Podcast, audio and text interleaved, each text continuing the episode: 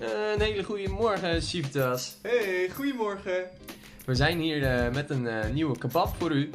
Een stukje over de Bijbel en een stukje over de krant om de dag goed mee te beginnen.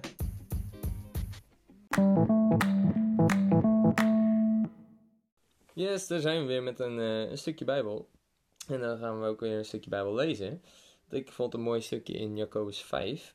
Ehm, en dat zijn vooral de laatste twee versen, dus, vers 19 en 20. Maar dan kunnen we vanaf vers 15 lezen. Oké, nice. Het gelovige gebed zal de zieke redden en de Heer zal hem laten opstaan. Wanneer hij gezondigd heeft, zal het hem vergeven worden. Beken elkaar uw zonden en bid voor elkaar, dan zult u genezen. Want het gebed van een rechtvaardige is krachtig en mist zijn uitwerking niet. Elia was een mens als wij, en nadat hij vurig had gebeden dat het niet zou regenen, is er drieënhalf jaar lang geen regen gevallen op het land. Toen bad hij opnieuw en de hemel gaf regen, en het land bracht zijn vruchten weer voort. Broeders en zusters, als een van u afdwaalt van de waarheid en de ander laat hem daarheen terugkeren, dan mag hij weten, wie een zondaar van het dwaalspoor terugbrengt, redt hem van de dood en wist het al van zonde uit. Hm. Ja, ik vond eh, dus inderdaad vooral die laatste twee eh, versen heel interessant, omdat het, ja, het voelt een soort van als opdracht om wel ehm, ja, naar andere mensen te kijken eh, en ja, op te letten of ze ook ja, goed leven, als ik het zo mag noemen. Mhm. Ehm, maar ja, er zitten wel wat eh, interessante gedachten achter. Dus ik was benieuwd hoe jij eh, kijkt naar hoe wij andere mensen op het rechte spoor kunnen houden. Hm. Dus de vraag of wij andere mensen moeten redden eigenlijk. Ja, dat, eh, Ja, ik vind het een interessant bijbelstukje wat je hebt gekozen. Ik vind het eerste deel vooral heel mooi. En ik denk het laatste deel vanaf vers 19 inderdaad heel prikkelend. En wat je zei inderdaad misschien ook wel een zware opdracht. Ik vind het een, een hele lastige vraag. ehm, omdat, en daarom eh, is het ook maar één mening van mij hoor. Maar ehm, het lijkt me heel lastig soms om te bepalen zeg maar wat de waarheid is en de rechte weg waar je iemand naar terug wil laten keren. Als je denk ik spreekt over, over daden, dan, dan kan je denk ik best wel goed zeggen van nou, die persoon is zo bijvoorbeeld niet zo goed bezig. Dat zie ik vooral heel erg in relatie tot vers 16, zeg maar van be- beken elkaar zonde en bid voor elkaar. Echt iets wat je zeg maar samen doet, zodat je genezing zult vinden. Eh, dat staat er. Ehm, maar waar het misschien niet zo nice is en waar ik het ook zeker niet wil doen, maar misschien toch wel veel te vaak heb gedaan, is iemands levensovertuiging bij willen sturen, zeg maar. En daar invloed op uitoefenen. Want in mijn ervaring heeft dat juist wel negatieve consequenties. Omdat je eigenlijk van een overtuiging gewoon niet zo goed kan weten of, of die goed is, wat de waarheid is. En daar moet je heel erg in gesprek over gaan. En daar zou ik dus niet zo snel iemand terecht willen wijzen of willen redden, zoals dat dan eh, genoemd wordt. nee, dat, eh, ja, dat zet je mooi neer. Eh, dus als ik het goed begrijp, dan mis, mis je misschien ook wel eh, de zekerheid in je eigen geloof om anderen inderdaad weer op hun ding te wijzen. Ja, dat zou je denk ik wel zo kunnen zeggen. En dan geloof, kijk, geloof heeft ook weer twee delen. Misschien een soort rationeel en een gevoelsmatig relationeel deel. En eh, nou, dat ligt gewoon super dicht bij elkaar. Dus misschien kan je over het rationele deel wel dingen zeggen. Maar dan heb je zo snel dat emotionele deel ook te pakken. En dan wordt het een soort levensovertuigingen discussie die gewoon denk ik snel niet echt eh, opbouwend is, zeg maar. Dus dan zou je daar wel over in gesprek kunnen gaan natuurlijk. En dat doe je ook bijvoorbeeld op kring. Maar ik zou daar niet eh, met overtuiging in willen gaan om iemand te redden. Want wie ben jij nou om te weten wat de waarheid is, zeg maar. Ja. Die, die is er denk ik wel, maar die, die ken ik niet ten volle. En daarom zou ik dat niet eh, zomaar zo op iemand af willen stappen ja, daar, daar, daarin. Maar wel, wel dus over de daden. Ik denk dat je daar wel, zeker als gemeenschap, eh, dingen over kan zeggen. En zeker dus nogmaals in combinatie met vers 16 van beken elkaar je zonde eh, en bid voor elkaar. Dan zult je genezing vinden. Dat vind ik wel eh, vind ik heel mooi. ja. Juist. En ja, oh, eh, eh, mooi hoe je het zegt. Want dat eerste deel wat je zegt is denk ik heel nice. En dat slaat denk ik voor mij terug op dat je zeker de discussie aan kan gaan met iemand over of het wel goed is of niet goed is, wat, wat jij doet of wat de ander doet. Ehm, en dat doen we op kring, dus dat, dat lijkt mij wel te werken. Ehm, maar ik vind ook inderdaad, eh, dat vers 16, dat je, noem jij ook, ehm, die is eigenlijk ook altijd, altijd wel een soort van basis geweest voor mij voor bidgroep. Als Oh. je hem zo terugleest. Want daarin, eh, ja, eh, dat vers zegt gewoon dat je inderdaad elkaar moet opzoeken en eigenlijk alles met elkaar kan delen om samen ook nou, die redding te zoeken. Ja, ik vind Dus- dat eigenlijk een heel mooi to-doetje voor een bidgroep. soort van, Ja, nee, dat vind ik ook. En, dat moet de volgende keer maar even doen. En daaruit, eh, ja, vanuit bidgroep zou, kan je nog een stap verder zetten dat je ook ja, jezelf soort van op het rechtspoor kan houden. Dus die opdracht zie ik hier misschien ook stiekem in, in die laatste twee Mhm. versen. Dat je soms zelf ook gaat twijfelen en soms ook slecht, zelf slechte dingen doet. Eh, en dat je jezelf ook echt op een nou, misschien strenge manier eh, op het rechtspoor eh, moet wijzen. Ja, interessant. Ik denk inderdaad dat dat kan. Sterker nog, dat is juist ook goed, zeg maar. Je kan ook naar jezelf wel echt heel kritisch zijn over je overtuiging en die bevragen. Dat lijkt me super belangrijk. En je daden reflecteren, des te belangrijker ook nog. Dat is, Ja. dat is wel mooi. Dat wel interessant eh, eh, om eruit te halen. Die had ik ook nog niet gezien. Dat je het ook gewoon op jezelf kan betrekken. Ik denk ook hoe hechter de relatie is, eh, hoe beter dit werkt, zeg maar. Dus als, als je dit, zeg maar, eh, met een hechte vriend bespreekt, je zonde, dan denk ik dat je daarin, ja, dat het, dat het beter gaat als je in een goede relatie staat. En uiteindelijk heb je denk ik de beste relatie met jezelf en God. Dus eh, dat is dan zeker een goede. Ja, Dan moet je wel opletten dat als je met jezelf in gesprek gaat, dat je je niet lekker maakt. Daarom zijn juist anderen waardevol om ook dat gesprek mee te hebben. Zodat je ook echt voor elkaar kan bidden. En in mijn ervaring is het uitspreken van zoiets ook wel echt een, eh, de beste vorm van reflectie of verwerking, denk ik. Ja, ik denk dat het inderdaad goed is. eh, het zou heel mooi zijn als we elkaar meer kunnen wijzen op bepaalde dingen. Dat zou ik graag willen, dat anderen ja, je erop wijzen.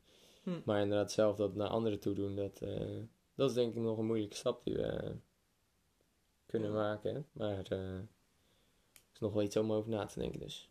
Zeker.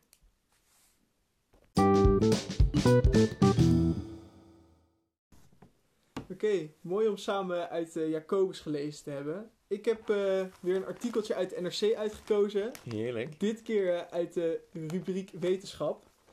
Eh, het gaat over de natuur. De titel van het artikel is, of eigenlijk het essay is... Wat is natuur nog in dit land? Met als ja, introductie... Puur natuur bestaat niet in Nederland. Al 10.000 jaar drukt de mens zijn stempel op zijn omgeving. De natuur is veranderd. Hoe de Nederlander erover denkt ook. Ik had als eerste een vraag voor jou. Eh, ben jij het eens met de stelling... Puur natuur bestaat niet in Nederland? Oeh, dat is wel een goeie. Ehm, ja, heel kort te houden. Denk het wel. Op eh, een paar plekjes eh, is, is het denk ik nog wel puur. Oké, dus dan ben je het oneens, want ik stelde van bestaat niet. Oh, bestaat niet. Ja, dus oneens. Inderdaad. Oké, nee, interessant. Ehm, nou, dit artikel eh, gaat dus over de natuur in Nederland en hoe zich die heeft ontwikkeld. Ik ehm, lees de introductie en eh, een eh, ja, kort stukje van de introductie. En daarna pak ik twee concrete voorbeelden uit het artikel, waar we het dan nog even over kunnen hebben. Oké, ik ben benieuwd. Ehm, daar gaan we. Hoe gaat het met de natuur in Nederland? Daar heeft vrijwel iedereen een mening over. Politici, boeren, boswachters, biologen, wandelaars en vogelaars. De een vindt dat er te weinig van is, de ander meent juist dat het wel wat minder groen toe kunnen. Maar die hoe-vraag kan niet bestaan zonder een andere fundamentele vraag. Wat is de Nederlandse natuur? Een eenduidig, antwoord daarop is er niet. Behalve dan misschien dit. Nederlandse natuur bestaat niet. Of althans, niet als vast omlijnd concept. En dit is het eerste punt van, de art- van het artikel waar we zo op terugkomen. De natuur, sterker nog, het hele landschap, is voortdurend aan verandering onderheven. En twee, en de mens, die draagt daar bewust of onbewust al millennia aan bij. Nou, dat wordt dan een beetje uitgewerkt in het artikel, maar ik wil focussen op twee eh, concrete voorbeelden die hij noemt. De eerste over hoe de natuur verandert. Om het nog ingewikkelder te maken, sommige soorten gedijen juist door landbouw, verstedelijking of industrialisatie, zoals de unieke zinkflora in het Limburgse Guldal. Planten die alleen voorkomen op zinkhoudende gronden, zoals de zinkviooltje, de zinkboorkers en het zinkschapengras. Vermoedelijk waren deze planten er ook in het schrale, open toendralandschap tijdens de Weissel-ijstijd, ruim 10.000 jaar geleden, en bleven ze daarna in kleine plukjes als ijstijdrelicten over om, over om vervolgens tijdens de bloeitijd van de mijnbouw eind 19e eeuw te floreren. Nou, dit was het eerste voorbeeld. Ik denk best wel een interessant voorbeeld van hoe de natuur zich aanpast. Nu hoe de mens verandert of zich aanpast. Maar niet alleen de natuur zelf is steeds aan de verandering onderheven, ook de manier waarop we over die natuur denken verandert. Dat blijkt alleen al uit de positie van de wolf, nu opgejaagd, dan weer opgehemeld. In de Romeinse tijd waren wolven in Nederland en elders in Europa meer dan welkom. Juist ook omdat wolvin volgens de overlevering aan de basis van het Romeinse Rijk stond, als voedster van de Rumulus en Remus. De soort werd niet bejaagd, niet gegeten en er werden geen medicijnen van gefabriceerd, zoals dat van veel andere soorten wel gebeurde, staat in de ontdekking van de natuur. Maar later in de 19e eeuw voerde Karel de Grote de Louverentie in, een elite-eenheid van uitroeiing van de wolf. En ook wolven werden publiekelijk geëxecuteerd, vaak als mens verkleed, opgehangen als exemplaar voor wat menselijke criminelen te wachten stond. Over de huidige terugkeer van de wolf zijn de meningen verdeeld. Boeren vrezen voor hun schaapskuddes en natuurbeheerders zien een sprankje oernatuur in. Want de wolf komt in Nederland immers van oudsher voor en geldt daarom als inheems. Nou goed, je ziet eh, dat dit tweede voorbeeld dus ook weer afsluit met de discussie wel of niet inheems.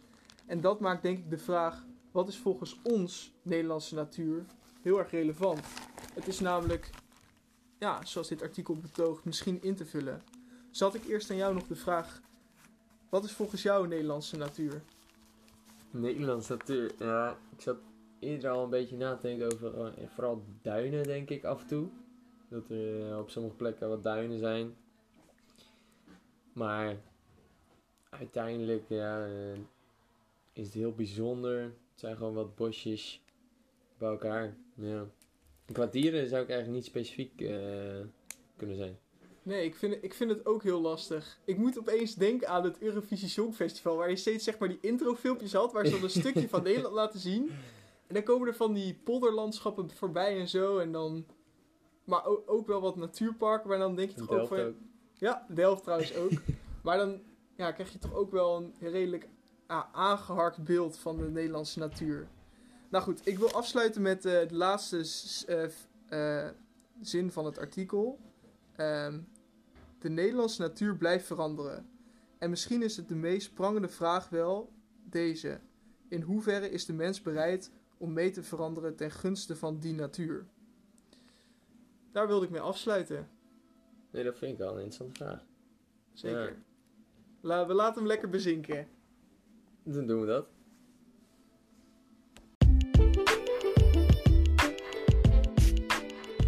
Yes, en we zijn weer aan het einde van deze podcast gekomen. Eh, maar Oh. schraal niet. Vandaag eh, zijn er nog wat activiteiten. Zoals om 11 uur een ledenpraatje. Om half 1 een hele epische eh, lunchlezing van Elke Wis. Zeker. Over durf vragen te stellen. Om je gesprekken beter te, ja, te verbeteren. En om 4 uur nog een memo. Ja, het was eh, leuk om deze podcast weer met je op te nemen, Johan. Ik heb nog eh, drie eh, vragen voor jullie naar aanleiding van onze overdenking. De eerste over Jacobus 5. Moeten wij anderen redden? En de andere is over de natuur in Nederland. Wat is volgens jou Nederlandse natuur? En de tweede vraag daarbij. Ben jij bereid te veranderen slash in te leveren ten gunste van de Nederlandse natuur?